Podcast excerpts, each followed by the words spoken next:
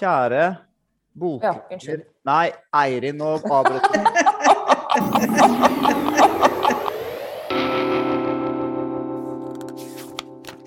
Kjære, eh, kjære lyttere, bokvenner, medborgere og medmennesker. Velkommen til denne episoden av Bladpodden. Jeg koser meg her jeg sitter, faktisk. Det er tidlig på morgenen, eller det spørs hvem du spør, men klokken er um, over halv ni. Men vi har med oss Olaug Nilsen, forfatter. Velkommen til deg. Tusen takk. Da har vi med oss Lars Petter Sveen, også forfatter og bibliotekar. Velkommen til deg. Tusen takk. Vi har med oss som vanlig Eirin Andresen Betten, også forfatter. Om en uke er du forfatter, Eirin. Jeg er det nå, fordi den faktisk kommer. Et fysisk objekt. Så slipper Herlig. neste uke. Så, Gleder meg til å lese boken. Um, og så er det selvfølgelig meg, Jonas Meyer, som kanskje blir, en gang blir forfatter, jeg òg, før, før jeg går av ved døden. Vi får se. Men um, vi skal snakke om posisjoner i dag. Allianser. Unnskyld, allianser er det, men jeg tenker alltid på posisjoner når jeg snakker om allianser. Um, og litt basert på forrige utgave av Blad. Og vi, jeg syns vi skal starte med å gi ordet til Olaug først, siden du Mm. er jo den mektigste personen i, av alle oss i, i litteraturfeltet i Norge, av oss fire. Og du blir jo intervjuet i forrige blad. Sier mye spennende ting om um, allianser, også i forbindelse med ditt vennskap med Sandra Lillebø. Mm. Og så kan vi jo starte med, du har en fin uh, uttalelse her. Forståelsen av posisjon har gjort meg Mm. tryggere på å forsvare Sandra eller ta til orde på andre vis i offentligheten. Mm. Så det har gitt en trygghet i det å bidra i samtaler og ta standpunkt og sånn, hvis jeg forstår det Ja. riktig. Kan ikke du Mm. fortelle litt mer om det? Ja, men kan jeg først få lov å vise fram koppen min? Gjerne, gjerne. Jeg har altså en Lars Petter Sveen-kopp. Jeg vet ikke om dere klarer å lese hva som står på den. Jeg kan prøve å lese. Natta stig ned, kvitt blir svart. Jeg fyller min kopp, mjukt blir hardt. Ja. Det er fra Ivar Aasentunet i, eh, i eh, Ørsta. Og det er eh, Ivar Aasentunet Jeg vet ikke helt hva slags posisjon det har i den litterære offentligheten, men blant nynorskforfattere så har det jo en posisjon fordi at eh, det er jo en plass en kan bli invitert til, det er en plass en blir promotert og blir eh, ja, blir sett og, eh, djup, og, og analysert og, eh, og så videre. Og eh, Lars Petter var eh, festspilldikter på de nynorske festspillene i 2011, kanskje? Kan det stemme? Ja. Ja, noe sånt. Mm. Og han var da festspilldikter sammen med eh, Guri og eh, Sigrid Botheim, som, eller Botheim-søstrene. Eh, og eh, jeg uh, hadde da Jeg var der, da. Jeg var der vel som gjest på en, uh, et annet arrangement, men i hvert fall så møtte jeg Lars Petter og alle de andre der. Og jeg skrev i Dagbladet på den tida.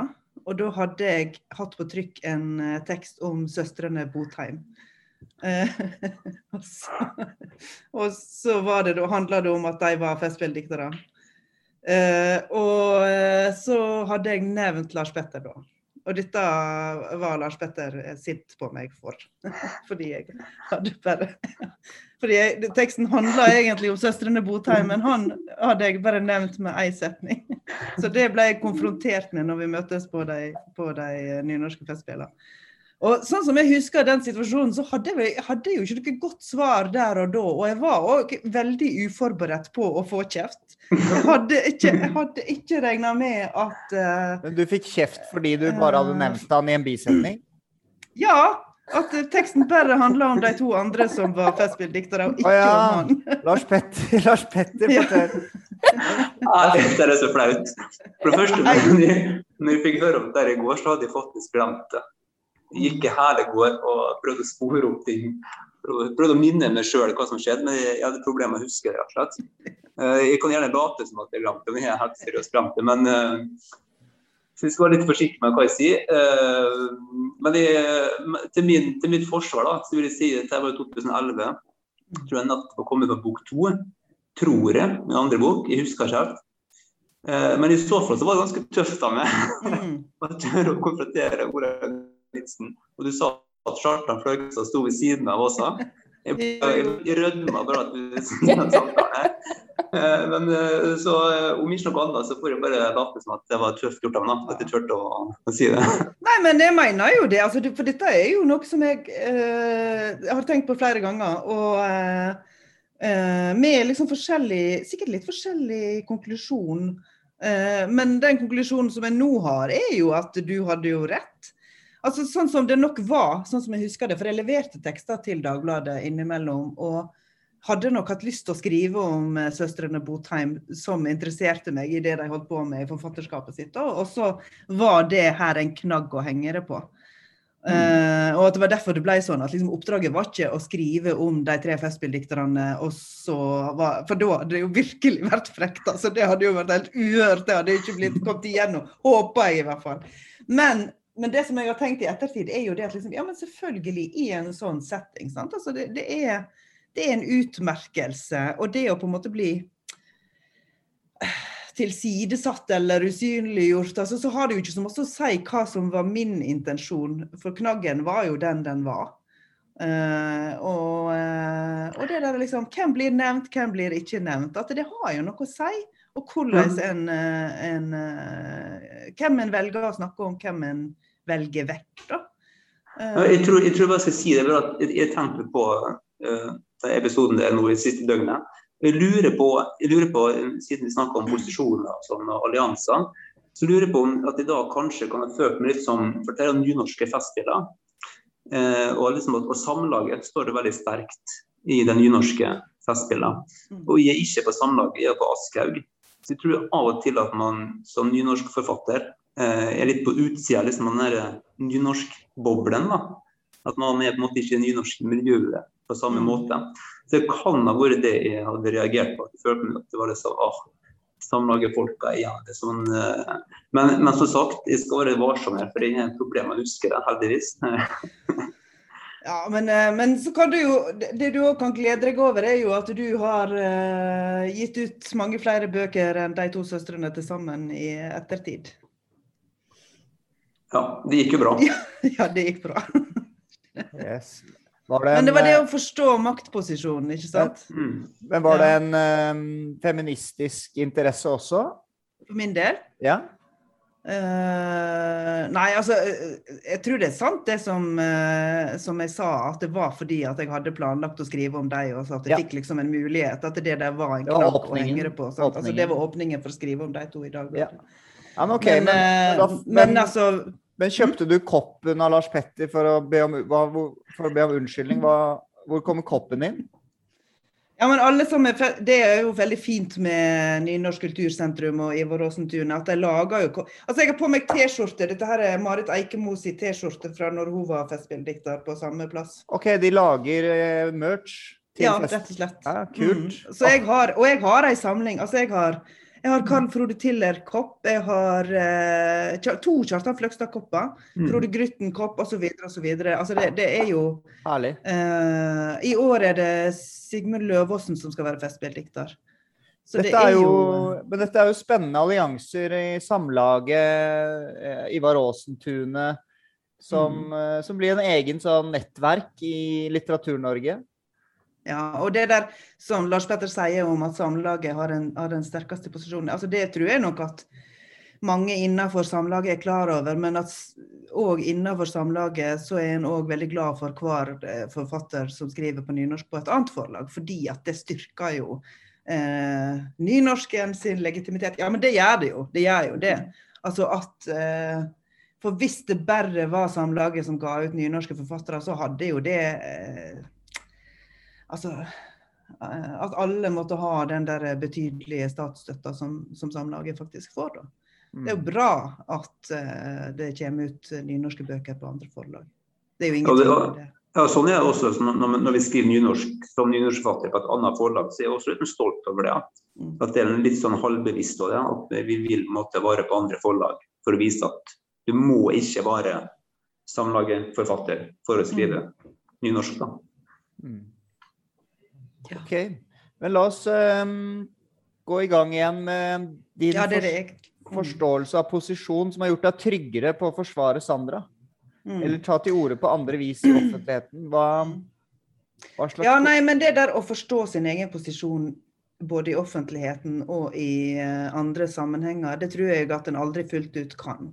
Det er veldig vanskelig å vite helt hvordan en blir oppfatta av andre, og hva slags virkning det en sjøl sier har eh, på andre. Eh, så fullt ut tror jeg ikke at jeg kan altså Det må jeg jo på en måte bare si på forhånd at selvfølgelig forstår jo ikke jeg det fullt ut. Da ville jeg jo være psykopat, og eh, det håper jeg at jeg ikke er.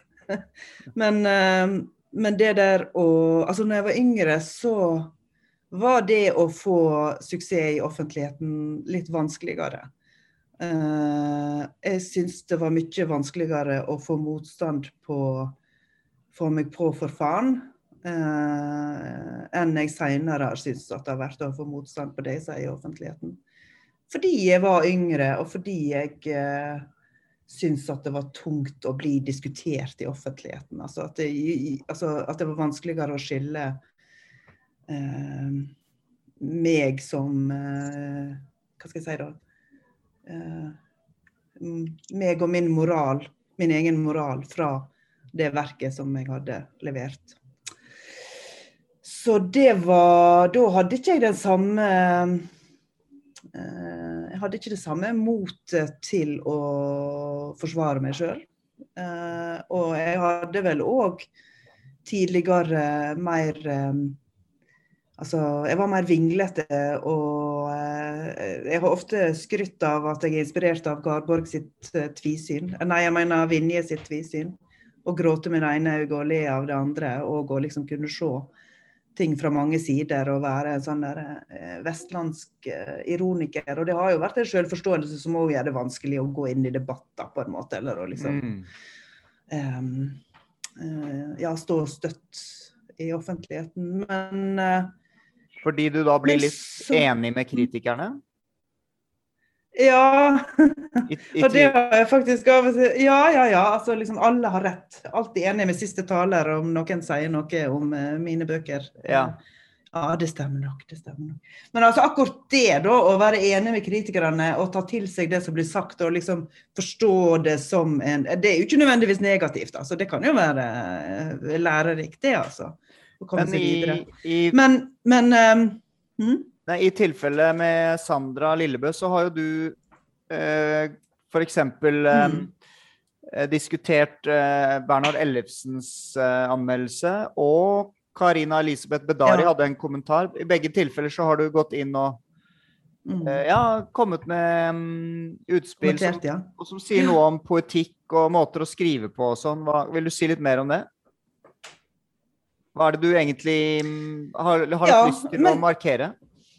hva jeg egentlig mener. Jo, men kan men kan jeg komme dit, da? Uh, fordi uh, det, som, det som jeg nå tenker at jeg forstår om min egen posisjon som er annerledes enn før, det er jo at uh, at jeg vet at jeg blir hørt, da. sant? Altså at jeg har tilgang til offentligheten, og at Ja. det er noe som det går an å benytte seg av. ikke sant? Altså at eh, Eh, når jeg ga ut Tung tids tale, så hadde jeg òg en politisk agenda, og da måtte jeg jo bruke, jeg jo bruke de talerstoler som jeg ble gitt i den forbindelse, og det gjorde jeg. Det var jeg veldig bevisst på. For holdt jeg, når jeg vant Brageprisen for Tung tids tale, så snakka jeg om eh, omsorg for psykisk utviklingshemma i den talen. Mm.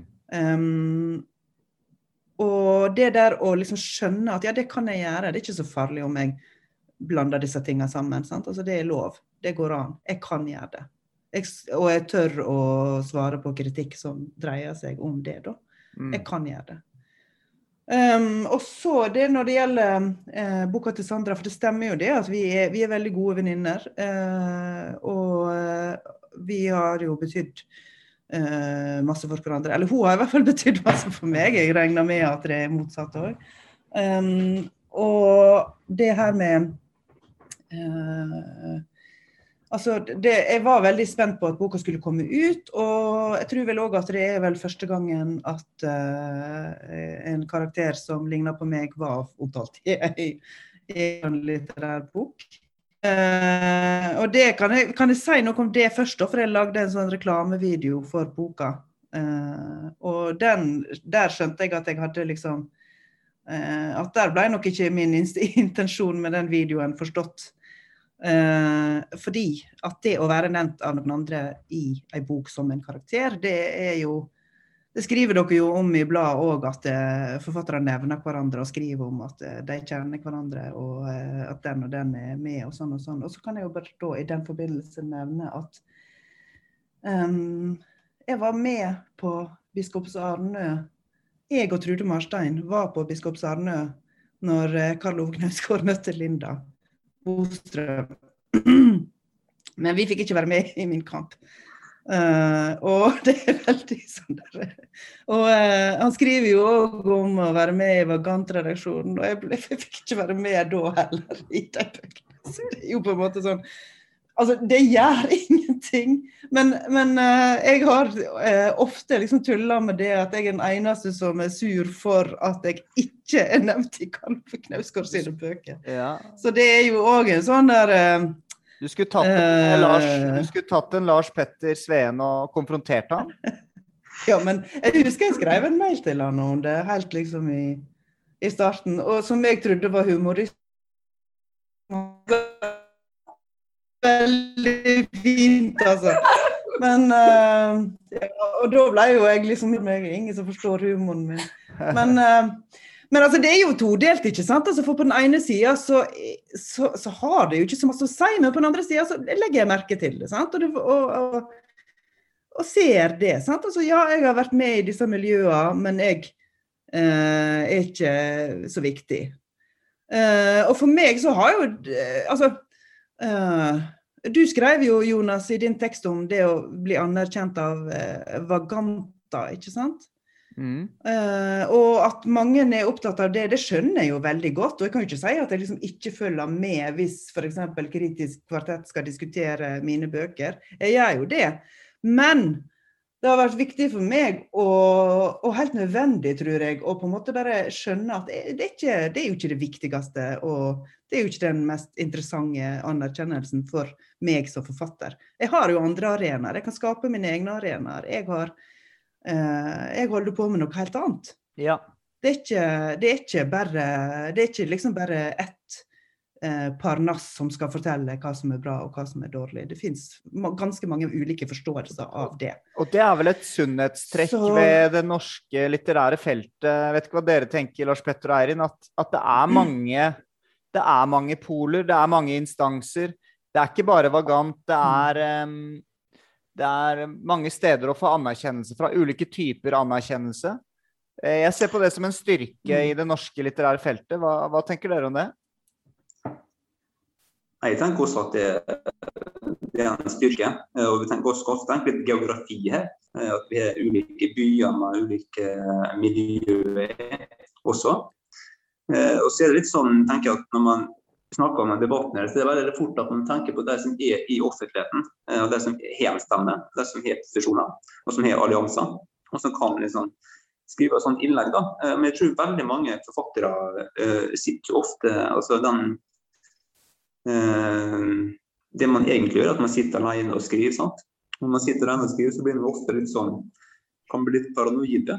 Eh, og blir litt sånn sjalu og misunnelig på det som faktisk er i offentligheten. Da, eh, da kan man fort tenke liksom, tanker om at ting henger sammen. At man har allianser som er urettferdige. Man kan liksom, for eksempel se, se på at Sandra Lillebø eh, og Ola Nilsen sant? De har bøker som er aktuelle, som blir, de får oppslag, de får spalte i Klassekampen, som alle forfatterne i Norge leser.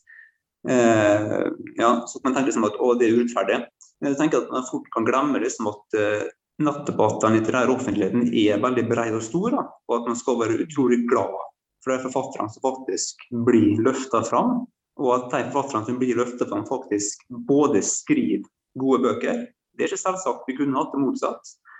Eh, og at jeg også sier smarte ting som veldig ofte er litterære. Da. Eh, sånn Jeg er veldig sånn, takknemlig for de eh, siste årene vi har hatt. Da. Fra Knausgård til Lillebø til Ola Nissen, som er eh, forfattere som skriver gode ting, som er forfattere inni kjernen. Da. Og så når det ytres offentlig, veldig ofte er en litterær offentlighet. Jeg Mm. tenker ofte på Karl Ove Knausgård. Hvor mange telefoner har han sikkert fått av Dagbladet og VG om å uttale sånne ting? Mm. eh, Som han sikkert antakeligvis ikke har gjort. Alt fra reality-show til alt mulig. Men han uttaler seg, nesten bare litterære ting. Mm. Og det syns jeg norske forfattere i offentligheten i Norge er veldig gode på. da. De har liksom denne litterære beinmargen som de bruker. Og det, så det må man liksom huske på når man kan bli liksom sånn paranoid og Ja. misunnelig. ja. Den, Tak takknemlighet og- takknemlighet er eh, portalen til eh, til Gud, holdt jeg på å si. Men, eh, nei, men jeg likte det du sa der, den takknemligheten eh, for at det er faktisk en eh, litterær offentlighet som verdsetter det litterære, da. Som, Mm. som er relativt bred.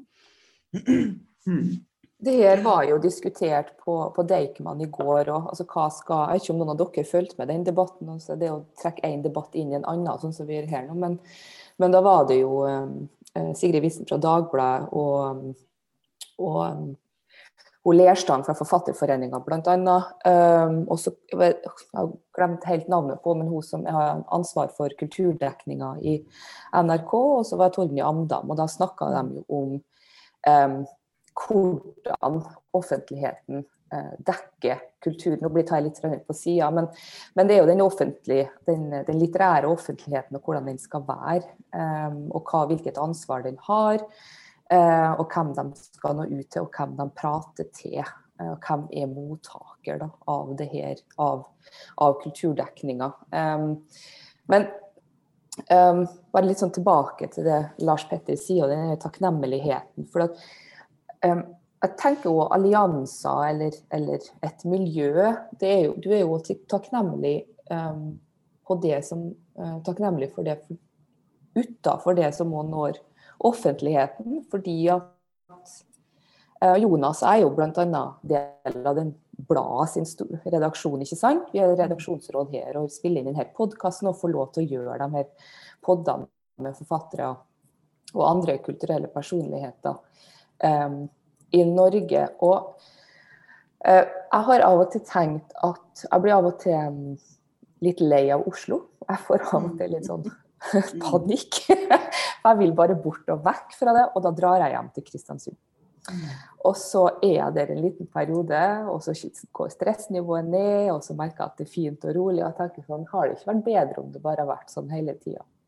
Mm. Um, og da en av de tingene som jeg tror faktisk virkelig holder meg tilbake, um, altså som virkelig sørger for at jeg ennå ikke tar steget og bare flytter hjem til Nordmøre, vil jo være at jeg kommer til å savne hele det miljøet som ligger rundt bladet, og de, de, altså de alliansene og de vennene og de samtalene. For at det fører til noe konstruktivt. Det, det, er, det er, noe i, i, det, i de der samtalene der som gjør at du òg greier å produsere. For at du må ha Du kan ikke bare være i samtale med deg sjøl til enhver tid.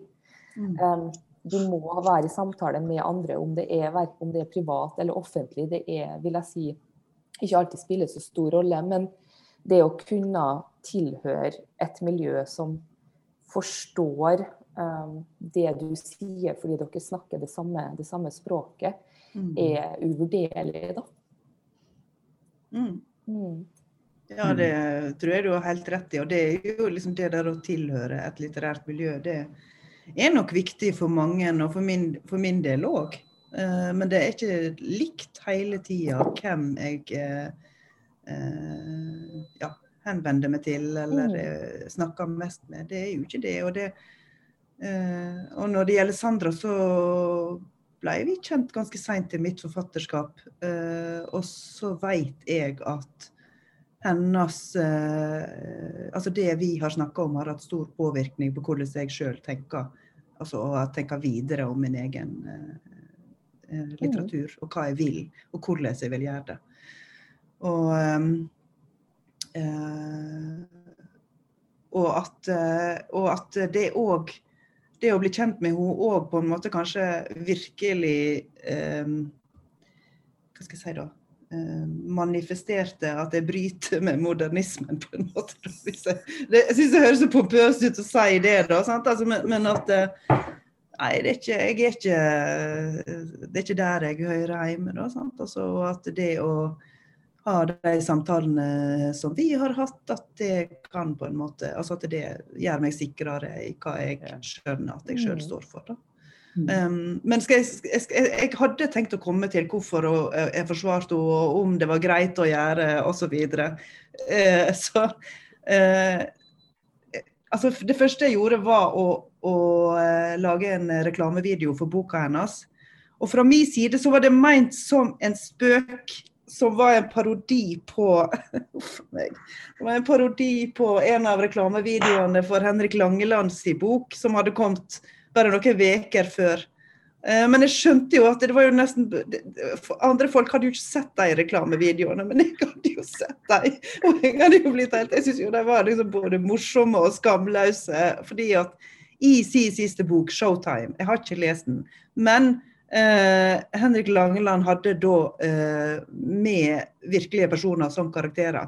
Jan Fredrik Karlsen og Christian Ringnes og Anita Krohn Traaseth, tror jeg òg. I hvert fall så var hun òg en av de som lagde en sånn reklamevideo. Men Christian Ringnes hadde jo den morsomste reklamevideoen av alle, fordi at han sa i sin reklamevideo at eh, han likte boka veldig godt, og det var ikke minst fordi den hadde så spennende karakterer. Og i all beskjedenhet så ville han da nevne seg sjøl. og det var veldig, veldig komisk. Så min reklamevideo for Sandras bok, eh, for der er karakteren O Oh, ja. Ja. så, så det er liksom bare for å Det var en spøk, men jeg skjønner jo at ikke alle forsto den spøken. Ja, trodde, de at at liksom, eh, snakket, eh, trodde de at du var eh, alvorlig da, på den videoen? Nei, men jeg veit ikke. Men altså eh, Nei, jeg veit ikke. Men eh, Nei, det tror jeg at en vanskelig kunne tro. For det var, det var en veldig tullete video. Jeg lå faktisk i senga og eh, hadde nettopp våkna opp fra en lur. Og så skulle vi egentlig bare teste om vi fikk det til, da. Eller det var mannen min som hjelpte meg, og han hadde tatt med seg noe sånn utstyr hjem fra jobben for å liksom, at det skulle være profesjonelt. Og så, og så ble det veldig Jeg syntes det var morsomt og komisk og tullete og liksom litt sånn ufarliggjørende, da, på en måte. Altså at det ufarliggjorde det at jeg sjøl var en karakter i den boka, osv. Boken fikk altså- jo en veldig god mottagelse, men så var det noen som var kritiske Mm. til noen ting, eh, som du da gikk inn og diskuterte. Ja. Og i ettertid så tenker jeg at liksom, ja, det er klart at det, den der forståelsen av posisjon, den kunne jo gått på andre veien, at det burde ha latt være. Nettopp fordi at Jeg, jeg syns ikke det. Jeg må bare Nei. si det. Jeg syns det er så topp når man går inn og diskuterer anmeldelser, enten det er en selv som gjør det, eller på vegne av andre. Fordi det Mm. spisser, det spisser tenkningen, og det, det skaper Mm. um, det er, Jeg syns det er veldig fruktbart. Eh, Men Ja, men det var bra at du syns det, da. Men, altså, men, men jeg skjønner jo da at liksom fordi, nettopp fordi at O var en karakter i romanen, og fordi at vi kjenner hverandre så godt, så kan en jo på en måte eh, selvfølgelig mistenkeliggjøre mine motiv. Og det er jo ikke sikkert at jeg har full kontroll på alle mine motiv til enhver tid heller.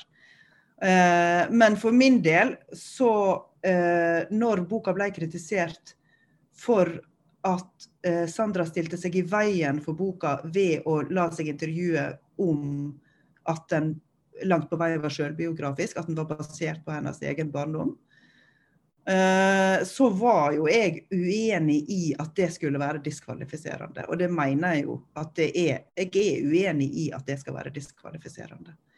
Um, så det var jo Det var det ene. Og det andre var det at hun ble kritisert for at den var for eh, eh, Den hadde et for ensidig perspektiv, da. At det liksom er For det er jo mor og datter, og det er datter som forteller, og som har perspektivet hele veien, og som har òg definisjonsmakta i romanen, som alle jeg-fortellere jo har, da, i, eh, i romaner. Med mindre det liksom er opplagt upålitelig forteller osv. Og jeg tenker at liksom i den altså Jeg syns at Tingenes tilstand eh, er en veldig god roman, bl.a. fordi den er helt konsistent eh, i den her altså Det det handler om, er at det er et jeg, det er et sjøl, et sjøl som, som klarer å, å, eh, å stå opp, altså å bli seg sjøl, på en måte. Å bli heil gjennom å måtte ta den der brutale avvisinga av ei mor. at det først og fremst er det det handler om. Eh, og det at eh, Og da mener jeg at du kan ikke si at det skal være et eh, eh kvalitetskrav til enhver roman eller enhver bok at eh, alle karakterer blir like masse sett og forstått. Det er, ikke et, liksom, det, er jo ikke et opp, det, det, må ikke være sånn for at en roman skal være god. Er forsvar, forsvaret, ditt, ja. forsvaret, ditt, av Lillebø, det, er det da også et forsvar av din egen poetikk og skrivemåte? Ja.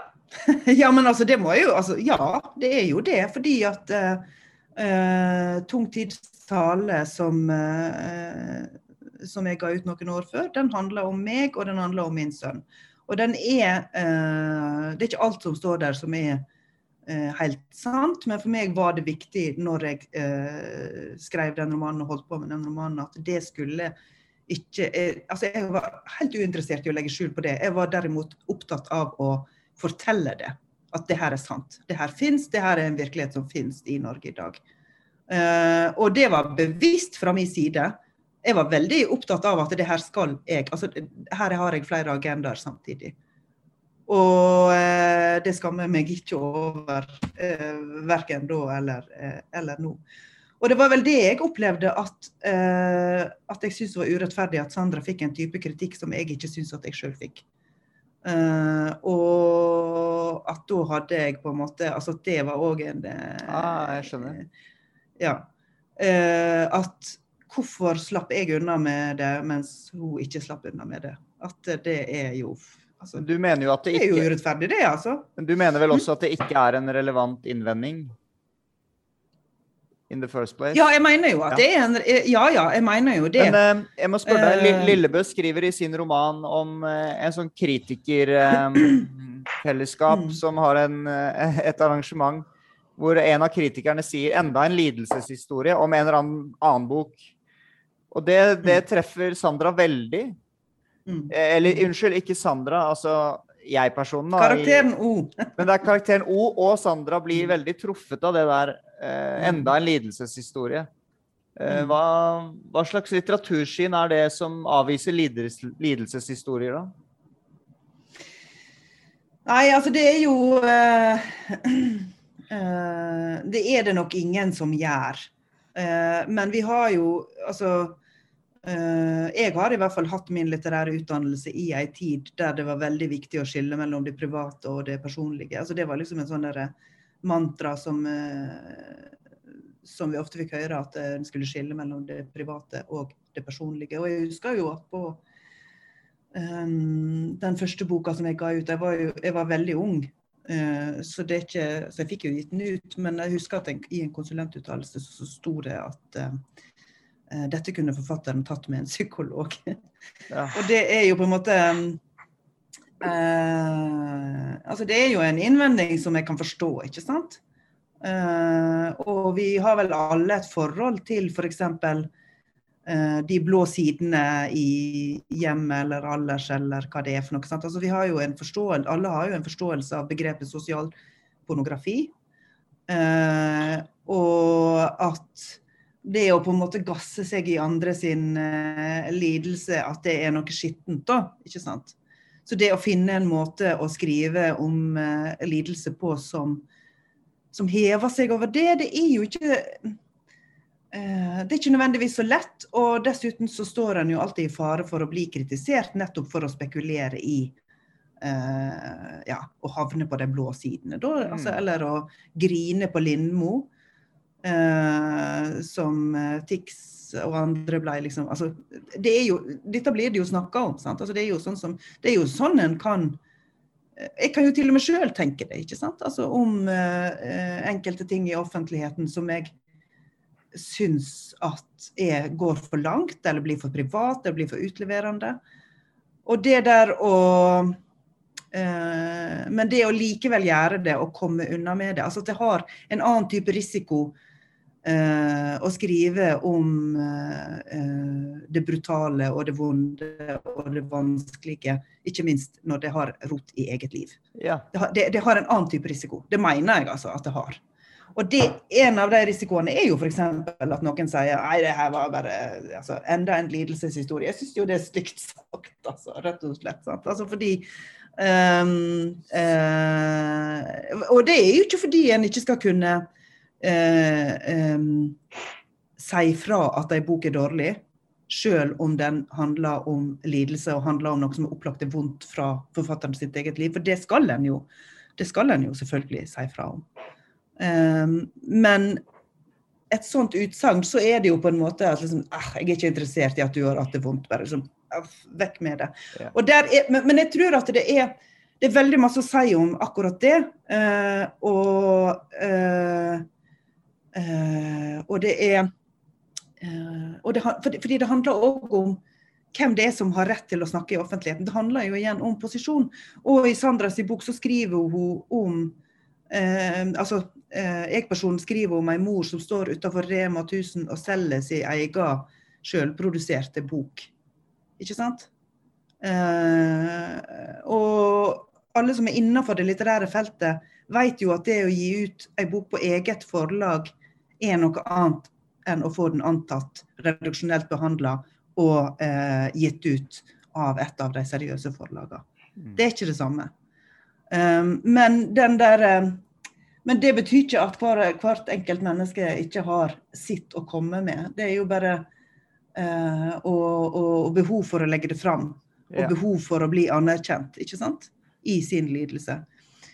Men altså, jeg merker når jeg snakker om dette her, så det, det, altså, jeg, jeg, jeg, har lyst til å skrive noe skikkelig om det. For jeg syns at det er vanskelig å pakke det helt ut. Jeg syns det er vanskelig å komme liksom helt til ja. bunns i hva jeg kanskje, egentlig mener. Kanskje Lars Petter kan hjelpe deg. Hva ja. er det hva er det hun egentlig mener?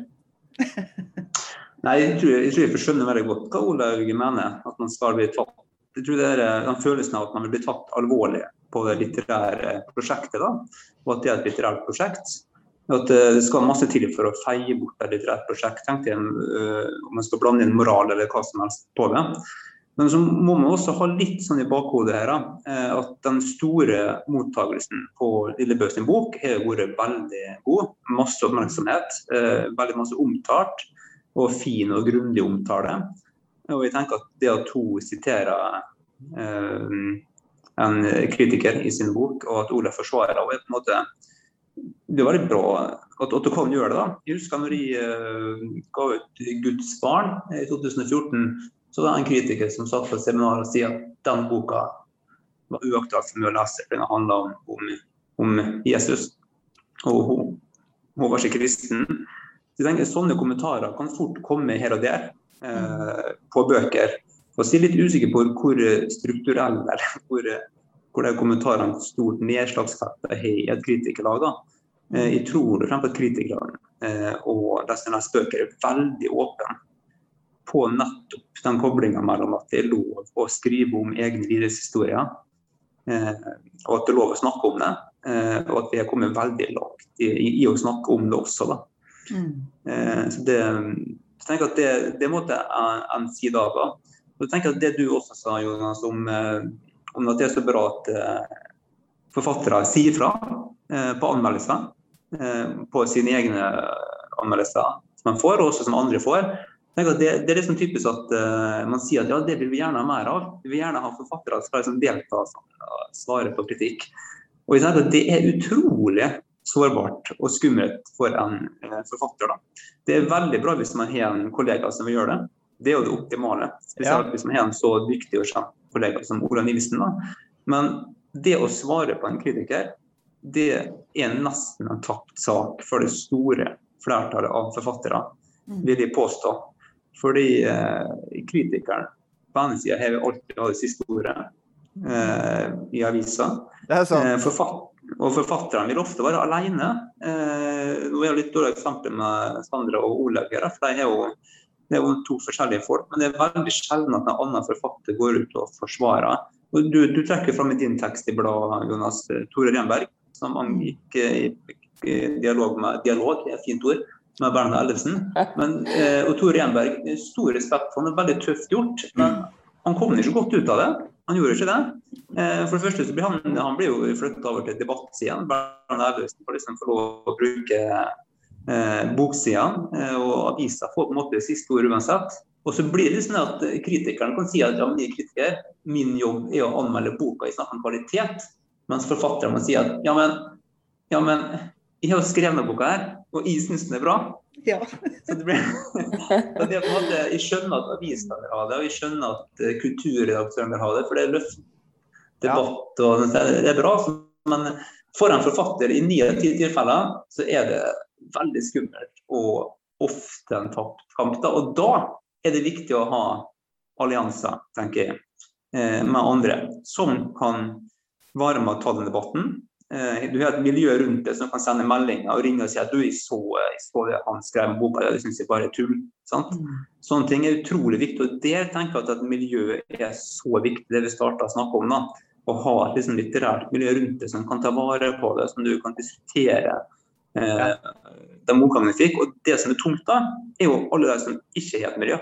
Eh, som ikke er en del av det miljøet, som ikke bor i Bergen, eh, eller som kanskje bor i Oslo, men som ikke er en del av miljøet likevel. da som ikke er kollegaer å snakke om. og De er nok ofte mer sårbare enn vi kan tro, da, tenker jeg, i sånne debatter. Så jeg tenker at de er, ja, jeg tenker at det er veldig bra når det skjer. Da. At når Ola går ut og forsvarer, forsvarer Sandra, så er det veldig bra. Det er fint.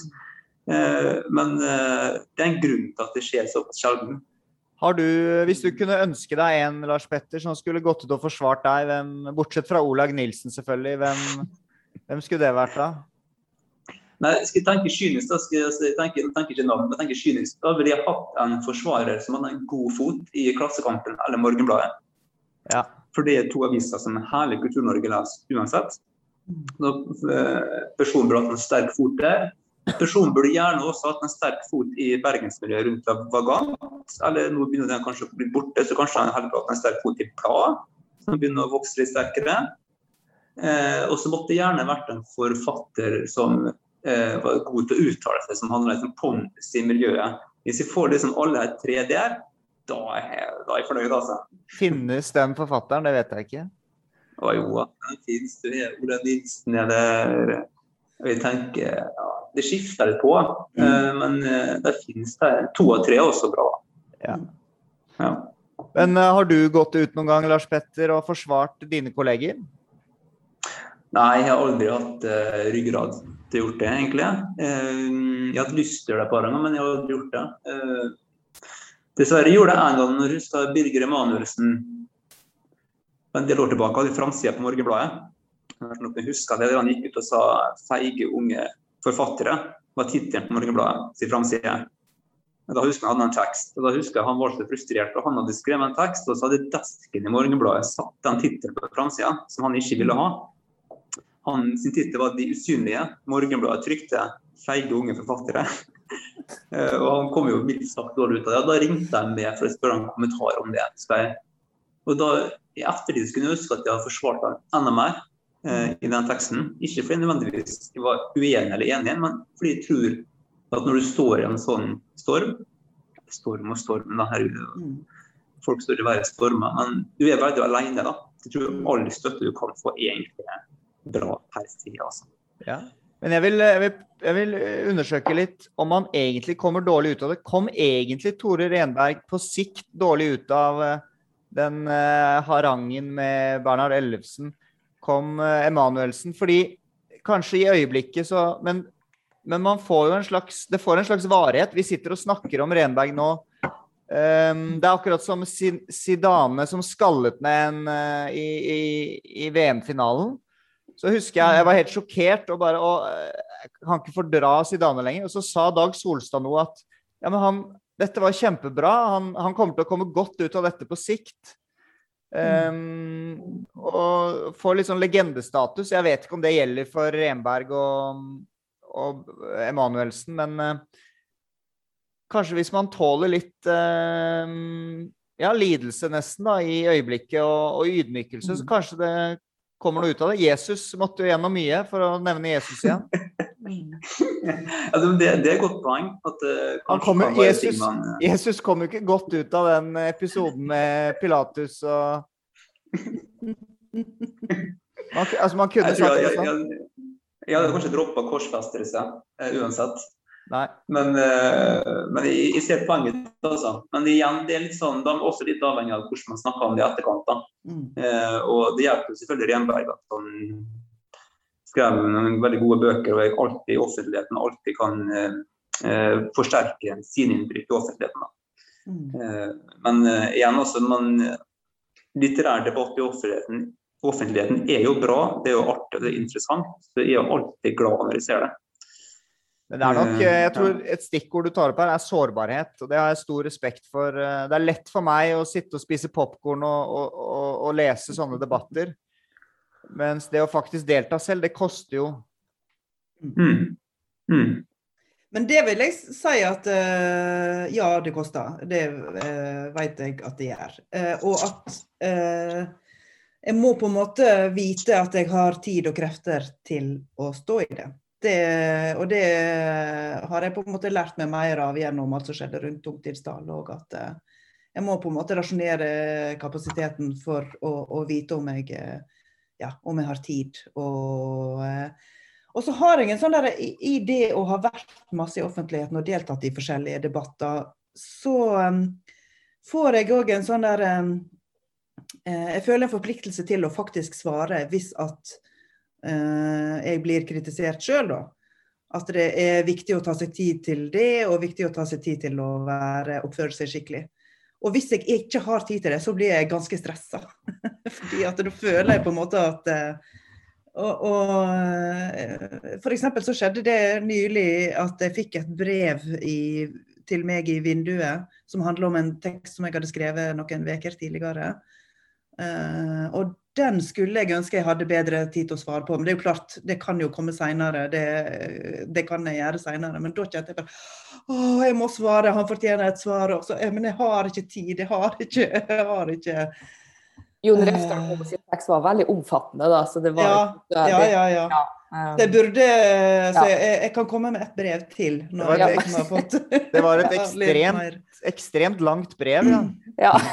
Mm. Ja, men det var det. Men det er jo noe med det òg, at liksom når han har brukt så masse tid og Mm. krefter på å formulere noe som er utgangspunkt i en tekst som jeg har skrevet, da, eh, så, da, så føler ikke jeg at det er reelt å bare avfeie det. sant? Altså, eller å på en måte bare sitte stille i båten og gå videre. Det, det føler jeg Det syns jeg er misbruk av posisjon, for å være, eh, ja, for å være Mm. helt konkret.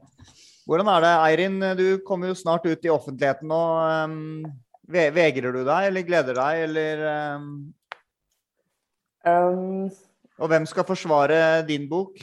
det vet jeg ikke. Vi får se hva som skjer. Hele, Um, blad, hele bladmiljøet står i ryggen din. Og... Dere har ikke noe valg. Men altså, jeg har jo vært i offentligheten og vært i offentligheten, det har jeg kanskje ikke. Men jeg har skrevet en del essays og sånn, um, som er publisert både i blad, men også i Klassekampen og i Samtiden og litt sånn. Og um, jeg har vært såpass heldig at jeg faktisk ikke har, eh, har mottatt egentlig så Jeg har egentlig ikke mottatt spesielt mye negativ omtale. Jeg fikk en, fikk en mail fra Arne Johan Vetlesen etter et essay jeg skrevet i Klassekampen. Og tenkte jeg greit, da er alle målene nådd. Eh, og så fikk jeg lov til å intervjue både han og Thomas Hylland Eriksen på scenen i blå, på blå i etterkant, og den den, um, og Da er jeg tilbake til Olaug sin når du ikke blir nevnt. for at den, den samtalen ble nemlig, nemlig nevnt i den samtaleboka som Thomas Hylland Eriksen har med han Hermansrud, som kom ut i fjor, vel. Men eh, verken Arne Johan Vetlesen Jo, han ble nevnt, men, men blå litteratur på blå, og jeg ble jo ikke nevnt. Og jeg tenkte sånn, OK, jeg skal jo ikke sette meg sjøl opp der med de kjempene, for all del. Um, men, men det var sånn OK, det ble det minste nevnt. Jeg kan i mitt lille stille sinn vite at det var altså, i hvert fall igangsatt samtale. Men jeg syns jo Um, Du sier at du ikke har mottatt så mye negativt. Man skal jo ha litt haters. Eh, Jeg tenker det er en bra ja, ting. men jeg tror ikke jeg kommer dit ennå. Jeg for Vi får, ska, vi får ikke får publisere et eller annet som Ja. uh, skaper litt haters. Da. For uh, jeg er jo ikke noe Greta Thunberg-fan, så jeg får lov til å skrive f.eks. det, det klimaessayet der jeg ikke liker Greta Thunberg, og da vil det komme, tenker jeg. Det høres bra ut. Jeg av alle mine 18 og 19 år gamle elever på videregående som bare er totalt uenig med læreren sin. Det, Men uh, Lars Petter, du, du skriver om poetikk i siste utgave av bladet, og du har en fin en. Som, eh, som, og du snakker jo litt om det nå, dette med å stå alene og sånn. Så skriver du Jeg skriver annerledes enn mange av mine kolleger. Ja, og så er det parentes bak der, da. Ja, det er sant. Du, du nyanserer det litt og kommer litt selvrefleksjon. Det, det gjør du. Ja. Nei, men eh, Ja, jeg gjør det. Jeg tror, men jeg tror vel nesten alle som skriver, føler litt på det, altså, at man er annerledes. Eh, og ser liksom i større og mindre grad da. Eh, hva som er annerledes og hva som ikke er annerledes. Mine store, to av mine store forbilder, Ingrid Storholmen og Øyvind Rimbereid, er jo også, skriver også veldig annerledes. Sånn sett. Men altså, jeg, jeg, skriver jo mine bøker eh, Det er veldig få slektskap med andre forfattere som rent hva mine bøker handler om i Norge. da. Så jeg måtte aldri vært innen, jeg har aldri vært en del av en trend, jeg har aldri følt meg en del av et miljø heller. da. Eh, så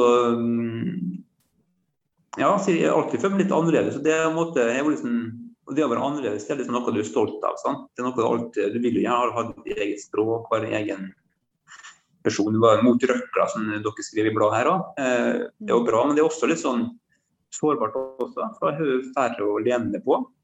Eh, og du er, det er en måte ikke alltid at din bok passer inn i det offentlige Du snakker om eller skriver om. da.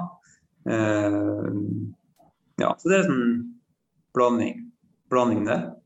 Mm. Og så er det veldig lett å bli når man sitter alene og skriver, så er det veldig lett å bli sånn sjølhøytidelig eh, og opp, oppblåst. Eh, så når man eh, De tenker ofte sånn at Ofte må jeg ta meg sjøl. Lars Petter, nå må, du, nå må du ta det litt med ro. Når jeg begynner å tenke sånne ting som at hvorfor ble ikke invitert på den, den festivalen? og Hvorfor ble ikke intervjuet den, den avisa? Hvorfor er det ikke løftet den boka mi på side 2? Hvorfor er det sånn gjemt bak på side 17? Sånn?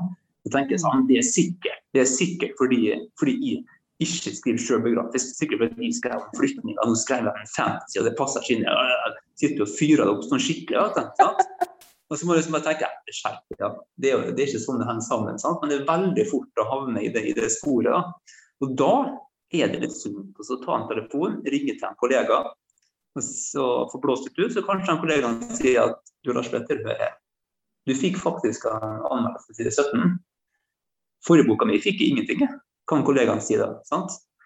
Eh, så det er alltid et perspektiv og sånn. da. Eh, men så det å være annerledes og det å skrive, det er det, er det som vi starta å snakke med her. at det, det, er fort å bli litt sånn uh, sjøltatt, og da er det litt sunt, da. Og faktisk, Når jeg snakker masse om sårbarhet, og det er skummelt å delta i en debatt, men det er også litt sunt, tror jeg, å tørre å ta det steget ut tørre å skrive en kronikk, og tørre å gjøre det også. For da må man faktisk stå litt for det man er så sikker på at man uh, står inne for. Da. da må man også få lufta sine argument, og så kan du faktisk få prøvd rene argument imot. Og så må du forholde deg til det, og ikke bare skyggebokse inne på skriveruten din også. Mm. Helt enig. Det, men, men, for meg har det vært litt en treningssak, tror jeg. Men, uh, og, og, kanskje Vi har sikkert litt ulik personlighet òg, og jeg er ganske impulsiv i hva jeg liksom Ute i offentligheten. Og der har sosiale medier bidratt til å, å, at impulsiviteten blir enda tydeligere. Men, men det, er, det, gir ganske masse, og det gir ganske masse sånn forståelse av hva det vil si å være i offentligheten òg. Hva er det? Eh, ja, og hvem er det egentlig du kommer i kontakt med? Og, og, og, eh, så, så, jeg syns jo at det kun har vært givende å bruke offentligheten på andre måter enn den, enn den litterære. Mm. Mm. Og uh, Lars Petter, kan du avsløre hvem, uh, hvem du har i, i, nettverket ditt som du ringer og snakker med og sånn, eller er det hemmelig? Disse kollegene? Ja, det er litt forskjellig, da. Eh, av og til når det er store spørsmål, så kan det være litt sånn litt mindre sjøltidlig. Så kan jeg faktisk sende mail til eller ringe folk jeg ikke kjenner så godt heller. F.eks. når jeg skulle Det er ikke akkurat offentlighet, da, men når de skulle måtte ut i full jobb pga. økonomiske mm. ting, så ringte jeg rett og slett eh, bl.a. Jan Skjærstad. Jeg kjenner, men det er ikke en person jeg tør å ringe til til vanlig. Så ringte hun og spurte du, jeg vet ikke hva jeg skal gjøre du har vært eh, gamer lenge. Har du vært i tilsvarende situasjon? Det, det, gjorde jeg da. Det jeg var, da fikk jeg gode svar tilbake. Eh, Eh, altså, ellers har jeg andre kollegaer som eh, kan være liksom Ja, jeg må bare si før du går videre. Jan Ja. Jeg har et hjerte for Jan Kjærstad, altså. ja, ja. Han, eh, han er litt sånn som å stå litt alene, men kjemper. Og jeg syns han er en verdifull posisjon i norsk litterær offentlighet. Veldig verdifull. er absolutt det. Ja, og vi har veldig, har vanvittig respekt for ham på alle felt. og I tillegg er vi på samme forlag, og på Aschehoug så er han på en måte en sånn slags Det er stygt å bruke ordet bestefar, da. kanskje gudfar er bedre. Altså, han, er, han er en person som gir veldig ro til oss da, og gir Ja. gode råd. og han sånn. Når han en gang blir borte, så kommer han til å savne han og skjønne oi, han var viktig. Ja, og Hvis du er debutant på Aschehoug, så er du sikker på at han kommer bort og diskuterer boka di. Han har faktisk lest boka di. Så går er rett bort til debutanten og snakker. Så han er, han er rett og slett et litterært eh, orakel for veldig mange av oss. Ja. Det var et si lite sidespor, men du hadde en til du skulle nevne? Nei, eh, eh, Olav har jo nevnt Sandra Lillebø. Jeg har ganske nær kontakt med Helga Flatland. Vi bruker ofte å snakke sammen. Mot et eksempler på en forfatter som det er lett, en kollega som er lett eh, er på et fellesskap som det er fint kort å ringe til, snakke om, sende melding når det er ting som er litt vanskelig. da. Ja. Og så i slutten av teksten din så skriver du litt om dette her med å bli Altså bøker som er i kjelleren og er blitt borte og glemt. Og det er jo selvfølgelig noe av det med forfatter. Man investerer masse tid, og så kanskje det til slutt liksom ikke blir noe igjen av det. Men, men så er det håpefullt til slutt, da. Enten en evenukk i en kjeller, og- men så kommer det inn et perspektiv at det handler om å tre inn i noe større enn seg selv. Mm. Er et harem, faktisk. Unnskyld. Evenukk i et harem, var det. Selvfølgelig, Det er stor Eh, forskjell. ja, det er stor forskjell.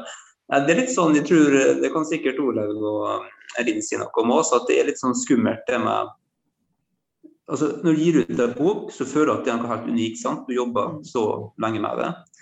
Og Så kan du bare gå inn på et bibliotek, eller, og så kan du gå ned i kjelleren i magasinet som er på Bærum bibliotek, da, og så er det hyllevis på hyllevis meter bortover med bøker. og Så kan du gå og se på de norske bøkene, så finner du navn du knapt har hørt om. gitt ut seks, sju, åtte bøker. Og så kan du bare se på innbrettet, så ser du fin omtale jeg har fått også. Til og med en pris òg. Eh, og så tenker jeg sånn i alle dager. Eh, da er det lett å tenke sånn at dette her er håpløst. Men så er det også en del der er jo eh, en del av spillet, da. Eh, som jeg sier, The Wire. Altså, du, du er en del av noe større. Du er, du er forfatter, og du er, sitter ofte for deg sjøl, men du er på en måte en del av et laug. da. Mm. Eh, Du lærer av andre, du tar opp produksjoner fra andre. eh, og Du bærer fakkelen videre. og du, ja. Så Den tanken når en kollega da sa til meg at uh, du blir ikke borte, du er bare en del av et større fellesskap, det må være en fin, fin ting å tenke på, rett og slett. da. Mm. Er ikke det en fin, en fin sak å avslutte med? Vi har holdt på veldig lenge nå. Så, Ja, vent litt. Vi må ta én ting først. Okay, det er- nå, ja, det får bare komme inn, men jeg har et intervju om sånn fem minutter. Så jeg, kan, jeg har ikke, så jeg må gå, Jonas. Så jeg, si... jeg har en og en halv time. Men før du, før du går, eh, Eirin. Eh, kan ikke du Vi skal ha, nevne bøker som vi eh, liker å nevne fordi det setter oss i et godt lys. Eh, det er det siste vi skal gjøre nå. Kan ikke du ta din bok før du går og forbereder deg til intervjuet? Jeg, jeg, jeg, måtte, jeg måtte tenke litt på det her i, lå og på det i går. Altså, det, jeg kom på, og det blir jo på engelsk, for jeg har ikke lest den faktisk på noen annen på, jeg, ikke, jeg tror det er på dansk, jeg vet ikke om den er oversatt til norsk engang, og det vil være Ovid. Metamorfoser, ja. Og det er sånn, når du liksom bare kjører en sånn liten, et lite, en liten Ovid-referanse i en samtale. eh, fordi det eh, stakk i meg, Eirin. Jeg har ikke, er overførbar. jeg har ikke lest den ennå, så det stikker i meg når noen nevner den. Jeg, jeg har faktisk lest den, da, men det er så lenge siden. Men, eh, men jeg husker jo ikke så mye av den. ikke sant? Men tusen takk, Erin. Da får du lykke til med intervjuet, så får vi Jo, andre takk. Takk, så får Gjør bare mer om- kose. Um, takk for samtalen. Ha det bra. Sjøl. Lykke til. Lykke til med boka. Jo, tusen takk. Ha det. Vi, vi skal avslutte, vi òg nå, men eh, det er altså da bøker som vi liker å nevne, som stiller oss i et godt lys. Eh, gir oss en god, god posisjon. Ja. kan jeg få lov til å ta den først? Ikke for at jeg skal Ja, ja, ja. skrive meg foran Ola, men jeg må faktisk på vakt på biblioteket også snart. Kjør på. Jeg, har faktisk eh, Jeg hadde sånne bøker før. Jeg var veldig opptatt av rette boka. Eh, eh, men vet du, jeg, begynte å droppe, for jeg var så lei Jeg var så lei liksom, å skulle finne hva som var rett. Så jeg ble litt sånn avsmak av meg sjøl. Så tenkte jeg at jeg skulle bare begynne å si liksom, den boka som er, er feil. da, Gjøre det motsatt. Så det var en periode der jeg holdt på å sa Gabriel Garcia Marquez. Jeg elsker Gabriel Garcia Marquez. For jeg visste liksom at det var fullstendig Det var også farligst du kan få da. Til at det var kult å gjøre. Men så fikk jeg meg en skikkelig på jeg, når jeg var, jeg var på den USA-festivalen i, i New York. Eh, som Hans Haugestad arrangerer. Og det var liksom når Karl Ove Knausgård var på høyden, og vi satt, satt sammen med Gunnhild Øyehaug og eh, Kjersti Skomsvold og Klaus Floyd Tiller på en sånn hip kafé i New York med Paris Review. Her er redaksjonen jeg satt i salen. Så alt var liksom både sjølbiografisk og Knausgård var stor. Og så satt vi både og snakka om Guds barn. Eh, og så name-droppa jeg Gabriel Garcia Marquez. Jeg, bare, jeg bare kjente salen bare sånn jeg var, liksom, jeg bare var off the radar på hiphop. Jeg var bare sånn jeg var så på bunnen over hodet. Så da tenkte jeg at ok, nå dro jeg litt for langt. Eh, nå, nå, nå, nå må jeg slutte. Så Det visste jeg ikke, at, at han var litt sånn uglesett i visse miljøer, men uh... ja. interessant. Så det. Det var en morsom strategi, da. Du, du gikk inn for å provosere med Marquez, og eh, du klarte det jo. Det funka dårlig. Ja, men det funka. Jeg fikk, fikk ingen gode effekter, for å si det sånn. Det var ikke så Nei, ikke mange Jeg var ikke så kul etterpå. Nei. Hva med deg, Olaug? Eh, Nå skal Lars Petter eh, logge av, han òg. Ha en god dag på jobb. Her logger de av én det, etter én. Lars Petter. Veldig hyggelig. Ja, i like måte. Fint å se deg. Ha det. Ha det. Hvilken bok er det du pleier å nevne, Olaug? Nei, men altså, det er vel litt eh, eh, Det ligner litt på Lars Petters historie, fordi at eh, eh, Jeg òg tror nok at jeg tidligere kanskje har tenkt hva som er rett, og hva som er Mens nå, nå eh, Det første jeg tenkte når jeg så spørsmålet ditt, eh, som du hadde sendt midt på natta, tror jeg faktisk, så jeg så det med det samme jeg våkna. Og da er en jo eh, eh, veldig eh, Har ikke så mange sperrer. Og da slo det meg at den boka som jeg liker å nevne fordi jeg tenker at det stiller meg i et bedre lys, det er 'Syngja' av Lars Amund Våge. Ja. Og det er ikke eh, Det er jo ikke liksom kynisk. Men, eh, men jeg er veldig påpasselig med å nevne den som en inspirasjon. Eh, fordi den handler om eh, han, han skrev i 2012 en bok om som hadde utgangspunkt i hans egne erfaringer som far til ei datter med autisme. Og den har vært en sterk inspirasjon for meg. Og det er viktig for meg å, å få sagt det. Ja. Uh, og, og, eh, og det er sant, og det er jo ikke, liksom noe, det er jo ikke noe løgn eller falskt i at jeg nevner den. Men samtidig så merker jeg at ja, det er jeg påpasselig med. Fordi at uh, jeg tenker at hvis jeg ikke gjør det, så vil det føles som om jeg prøver å tilrane meg noe som egentlig ikke er mitt. For det, er viktig, det har vært en veldig viktig bok for deg. Ja, det har det. Du skrev vel også et åpent Men- brev til han, gjorde du ikke det? Jo, jeg gjorde det. Det gjorde jeg. Så, eh, men, eh, men jeg eh, og, det, og når jeg da først tenkte at liksom, ja, det er ei bok som jeg må nevne for å på en måte ikke havne i et dårlig lys, i hvert fall, så tenkte jeg at eh, jeg burde jo egentlig òg nevne Halvdan Freihov og Kjære Gabriel, som kom i 2002, tror jeg, som òg har den samme tematikken. Ok. Ja. Jeg skal eh, Du skal sikkert logge av snart, du òg. Det er litt stilig. Alle logger av én etter én. Men eh, Ja. jeg kan nevne hvem, hvem jeg Altså, jeg har sånn greie med Kafka. Og grunnen til at jeg er så glad i å nevne Kafka, er fordi det er litt som du sier, det er, det er helt genuint. Jeg elsker Kafka.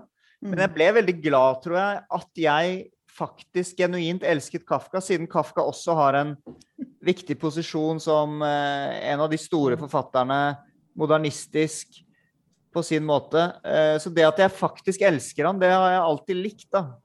Eh, da kan jeg både Mm. si noe som har litt kreds, men også genuint mene det. Eh, så, og jeg er virkelig jeg er glad i Kafka. Han har noe sånn forunderlig som jeg er veldig glad i. Men samtidig gir det meg også litt Jeg føler det gir meg litt creds fortsatt, selv om alle elsker jo Kafka. Det er jo ikke så mange som ikke liker han. Nei, jeg liker han òg. Jeg holder på med en novelle det er nå. Det er om en ung advokat som også naboen heter Harras, og driver og lytter på han. Jeg prøver å lese den på tysk. Eh, oh, ja, OK. Morsomt. Jeg er dårlig i tysk. Ja, det er altså. sikkert morsomt. Prøver å Nei, det har ikke jeg prøvd. Det tror jeg hadde gått ganske dårlig. Men så så imponerende. Nå, Ja, ja, nå, nå stilte du deg sjøl i et veldig godt lys. Å, Gloria, Gloria. Men du, Olaug, tusen hjertelig takk for eh, praten. Eh, veldig spennende. Så, Takk skal, for at jeg fikk være med. hvordan ser din arbeidsdag ut? Eh, I dag er jeg faktisk ikke helt sikker på hva jeg Nei. skal gjøre. Men jeg har noen skal svare litt på meg, tror jeg, først. Og så, Ja, Skrive et par kronikker. så skal jeg faktisk eh, ut og møte Moka Isakstuen, eh, som er i Bergen nå. Jeg Ser man det? Ser man det. om et par timer så skal jeg kjøre til byen og møte henne. Ja. Herlig. Allianse! Veldig bra. Ja. OK, tusen takk. Jeg sender en mail når den er ferdig klippet og sånn, så snakkes vi. Ja. Bare si, okay, send en mail bra. hvis det er noe. Ha det bra, Olaug. Um, ja, kjære lytter, da sitter jeg alene igjen her på et Zoom-møte, og det er jo som å se seg selv i et speil. Uh, for å være helt ærlig, jeg er meget fornøyd med det jeg ser. Litt skremt òg, for jeg ser veldig intens ut. Uh, innspillingen er over, og håper dere også får en fin dag. Takk for at dere lyttet. Men før vi gjør det, skal vi selvfølgelig snakke om, siden vi er bokvenner, hva er det vi leser for tiden? Og da foreslår jeg at vi tar rekkefølgen slik dere sitter i mitt Zoom-møte. Olaug, Eirin og så Lars Petter. OK, skal jeg bare begynne, da? Ja, gjør det. Ja. Eh, jeg har nettopp jeg skal, jeg skal ta to, da. Den her har jeg nettopp lest ut. 'O bli hos meg' av eh, Lene Ask. Og den var veldig rask å lese. Det er en tegneseriebok. Eh, den handler om misjonærbarn. Lene Ask har intervjua flere misjonærbarn som forteller om sine opplevelser med å være på internatskoler når de var i Altså når foreldrene var misjonærer da, i forskjellige eh, land. Eh, og det der eh, med misjon altså Sant å si så veit jeg ikke om det eksisterer lenger, egentlig. Men, men, men den der erfaringen med å Altså, jeg visste om misjon når jeg var liten. Når jeg gikk på barnemøter, så var det sånne eh, bøsser med bilder av eh, barn fra Madagaskar som vi putta penger på på barnemøtene. da, Og vi hadde sånne små minibasarer på barnemøtene til eh, inntekt for eh, misjonærbarna. Ja. Eh, altså de barna som det ble, ble misjonert for, da, ikke barna til eh, foreldrene som var misjonær, misjonærer. Men uh, her står det jo om, hvordan, altså, om, ganske, altså, om virkelig traumatiske opplevelser.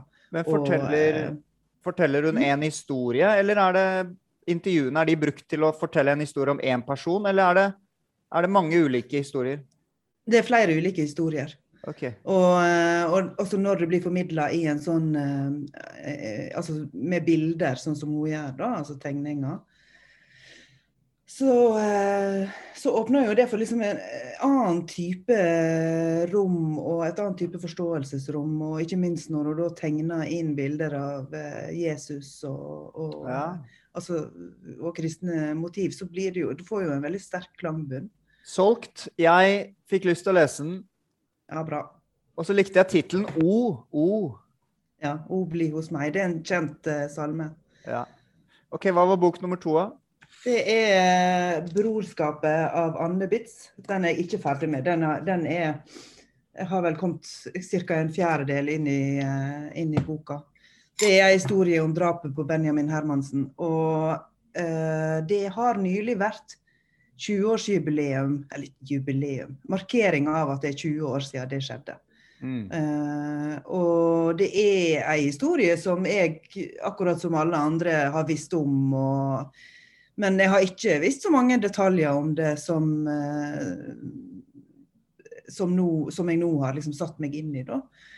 Og Anne Bitz er for meg en eh, favorittforfatter. Hun er Jeg syns at hun er veldig, veldig god på så mange måter. Fordi at både i denne boka her og i tidligere bøker så er det jo helt åpenbart at hun har gjort et ekstremt grundig forarbeid, og at hun er Ja. samvittighetsfull og, eh, og behandler både kilder og, og, og, og emner veldig respektfullt.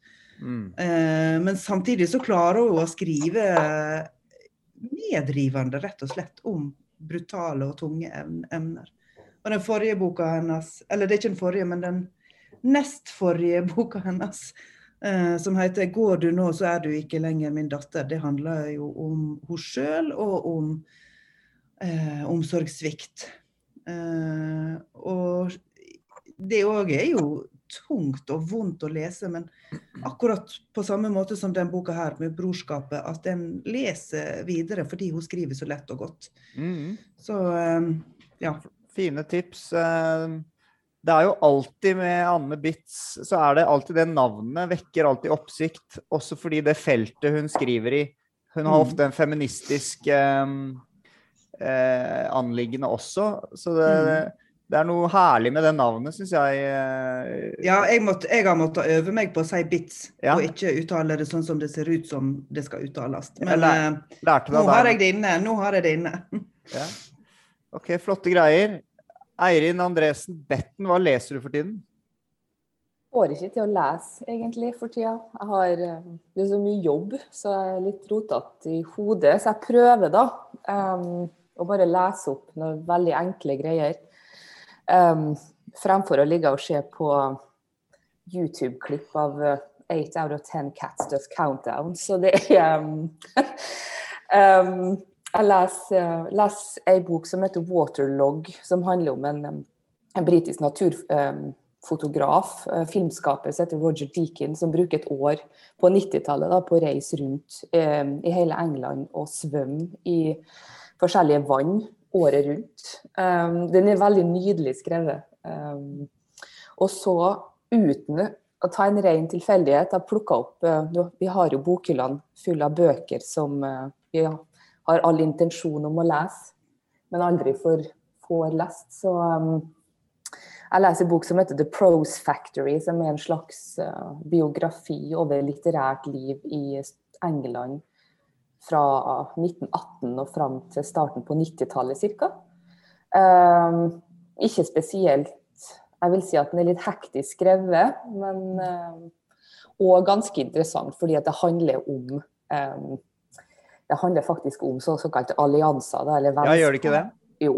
Eh, om, så, og litterære klubber, og hvordan de har, har sørga for å anmelde hverandre og få hverandre opp og frem. Da, og det har forma eh, det britiske litterære livet, og det vi anser egentlig som den moderne kanon. Så det er, sånn sett så er det ganske interessant. Men den Ja. kunne ha vært mye bedre skrevet, syns jeg. Den, han er litt, har litt rotete penn. Ja. Han sa Der glemte vi å spørre deg om, Olag. Er du, er du i allianse med Lena Ask og Anne Bitz? Det var et godt spørsmål. for Jeg tenkte faktisk på det akkurat nå når Eirin eh, eh, sa det hun sa. At eh, Anne Bitz kjenner jeg, men, eh, og, og kjenner ganske godt. Eh, men eh, Eller kjenner ganske godt. Vi er venner. Um, og, uh, men jeg ble kjent med henne da den forrige boka kom ut, altså. Ja. Eh, og mens Lene Ask tror jeg ikke jeg har møtt noen gang. Nei. Eh, men vi er venner på Facebook, da. Det er vi. ja, Så ja. jeg har eh, allerede gratulert er henne eh, og skrevet, skrevet i, på Instagram at jeg likte boka godt. Nå hørtes, Men altså det, nå hørtes ja. det ut som en anklage, men det var, ikke, det var det ikke ment som i det hele tatt. Um, Nei, men det, det hører med i denne samtalen. Absolutt. Og alltid. Og alltid. Ja, ja, ja. Vi skal komme tilbake til det. Um, OK, jeg får lyst til å lese alle bøker som blir nevnt. Den er 'Han som badet i vannet' hørtes gøy ut. Litt Den tror jeg er noe for deg. Du Ja. som eh, bedriver litt sånn årsbading, eller i hvert fall gjør et forsøk på det. Ja. eh, jeg tror du kunne ha likt den. Altså. Og jeg har jo likt dine anbefalinger før. Maurice av Fors- Forster. Men jeg tror vi skal videre, så vi kommer i mål i dag. Lars Petter, hva leser du? Du, jeg leser alltid to bøker samtidig eh, litt for å holde trøkket oppe. Så leser jeg alltid liksom en sånn eh, litt sånn seriøs bok. Og så leser jeg en sånn litt sånn lettere bok, ofte krimbok. Sånn at jeg slipper liksom å havne på skjerm hvis jeg er lei av å lese. Så akkurat nå så leser jeg litt Jeg begynte å komme litt inn på sånne erotiske bøker, fordi jeg leste masse av Christian Clausen fra Drammen i det siste. Som for øvrig også er en god kollega og venn. Det kom det også en allianse inn. Og Han siterer ofte Henry Miller i sine bøker. og da gikk ned i arkivet på, eller magasinet vårt her på Bærum bibliotek, og så fant de 'Sexus' av Henry Miller. Liksom en av de store sånn, erotiske romanene. Så jeg leste halve den, leste halve den i helga. Og det kom liksom bakover, bakoversveis, da. Med litt kort hår. Så jeg ble ganske sjok sjokkert av den boka. Altså, det, det erotiske er jo veldig hyggelig og fint, men den er jo fullstendig utdatert i sitt kvinnesyn. Mm. Eh, Det er jo flere erotiske skildringer der han eh, rett og slett nesten går til fysisk angrep på kvinner og gnukker seg opp mot dem. Eh, og så har han et par sånne rasistiske ting der i forhold til kinesere og svarte som er helt hårreisende. Så det, det er en litt forstyrrende bok å lese. For den er jo absolutt erotisk, men den er jo rett og slett ganske fæl. altså. Man kan godt si at den er utdatert, men den, den må jo ha vært utdatert i sitt kvinnesyn da den kom i 1962 òg. Ja. Så det, det må jeg si eh, Det var som et sjokk å sitte og lese. Så det, jeg håper at jeg finner flere bedre erotiske bøker i min eh, quest for eh, den type bøker enn Sexus. ja. Går, du inn, går du inn for å cancel Henry Miller? Nei, jeg er ikke så glad for cancele. Jeg at Bøker skal vi lese, og så kan vi diskutere, så kan vi kaste det bort. liksom. Men å cancele, det er bare ja. Men eh, for å balansere, for det er av og til at jeg blir lei av å lese Henry Miller, så leser jeg en krimbok. Og nå eh, har jeg fått tak i en bok av Megan Abbott, som er liksom en av de eh, utallige eh, amerikanske folka som skriver krim. Men hun skriver veldig bra, hadde hun hørt da. Jeg tok litt med en klype salt. Men så leste jeg Die Little. Og Den er faktisk en bok som er skrevet i 2000, men som foregår i 1950 i Los Angeles. Og som er Den er utrolig bra skrevet til krimavare. Nå, nå skulle jeg til å si at det var en litterær krim, eh, men det er veldig dumt å si. For krim er krim, om det er bra eller dårlig skrevet. Men eh, hun har en sånn eh, Hun får liksom til det som jeg syns er aller best med krimbøker, da. Når du virkelig koser meg. Krim skal jo bare, bare for min del er krim at det skal være underholdning. Jeg skal ikke fnyse av det, for det trenger jeg ofte når jeg leser bok. Men hun greier å skape en karakter som er virkelig sånn, blir sånn uroa av den karakteren og hva hun holder på med, som vi ikke helt forstår. Og det, det er veldig gøy å lese også. Mm. Det er herlig det der når du gleder deg til å åpne boken og komme videre. Ja. Mm. Fantastisk. Jeg Og får du, Jonas? Ja, takk, eh, takk Eirin. Jeg, jeg er også litt sånn som leser flere ting. Jeg, jeg, har, jeg har eh, begynt å tenke på lesing og rydding på litt samme måte. Altså, når man skal rydde, så kan man, le, man kan rydde på overflaten. Man må ta oppvasken, man må putte klærne i skapet. Men man må ikke glemme å rydde i, i de grunnleggende strukturene òg. Åpne skapet og sortere skapet. Gå ned i boden og rydde. Den er nesten viktigere, den ryddingen. Og så når jeg leser òg, så kan man lese på overflaten det som kommer inn av ideer og ting og sånn, men man må også huske å lese i dybden. Og det gjør jeg nå. Jeg leser greske tragedier. Ehm, Det er en samling på Gyllendal med eh, syv greske tragedier. Jeg er snart igjennom, holder på med den siste nå. Nettopp ferdig med Medea. Hun som eh, dreper barna sine for å straffe mannen. Og da er jeg i gang med Hippolytos siste av de. Og den har jeg faktisk kjøpt to ganger uten å være klar over det. Jeg kjøpte den på loppemarked også. Før jeg skjønte at det var den samme boken. Så mm, ja, det var, um, det var det jeg leser. I, I tillegg til mye annet hist og her. Så sånn er det.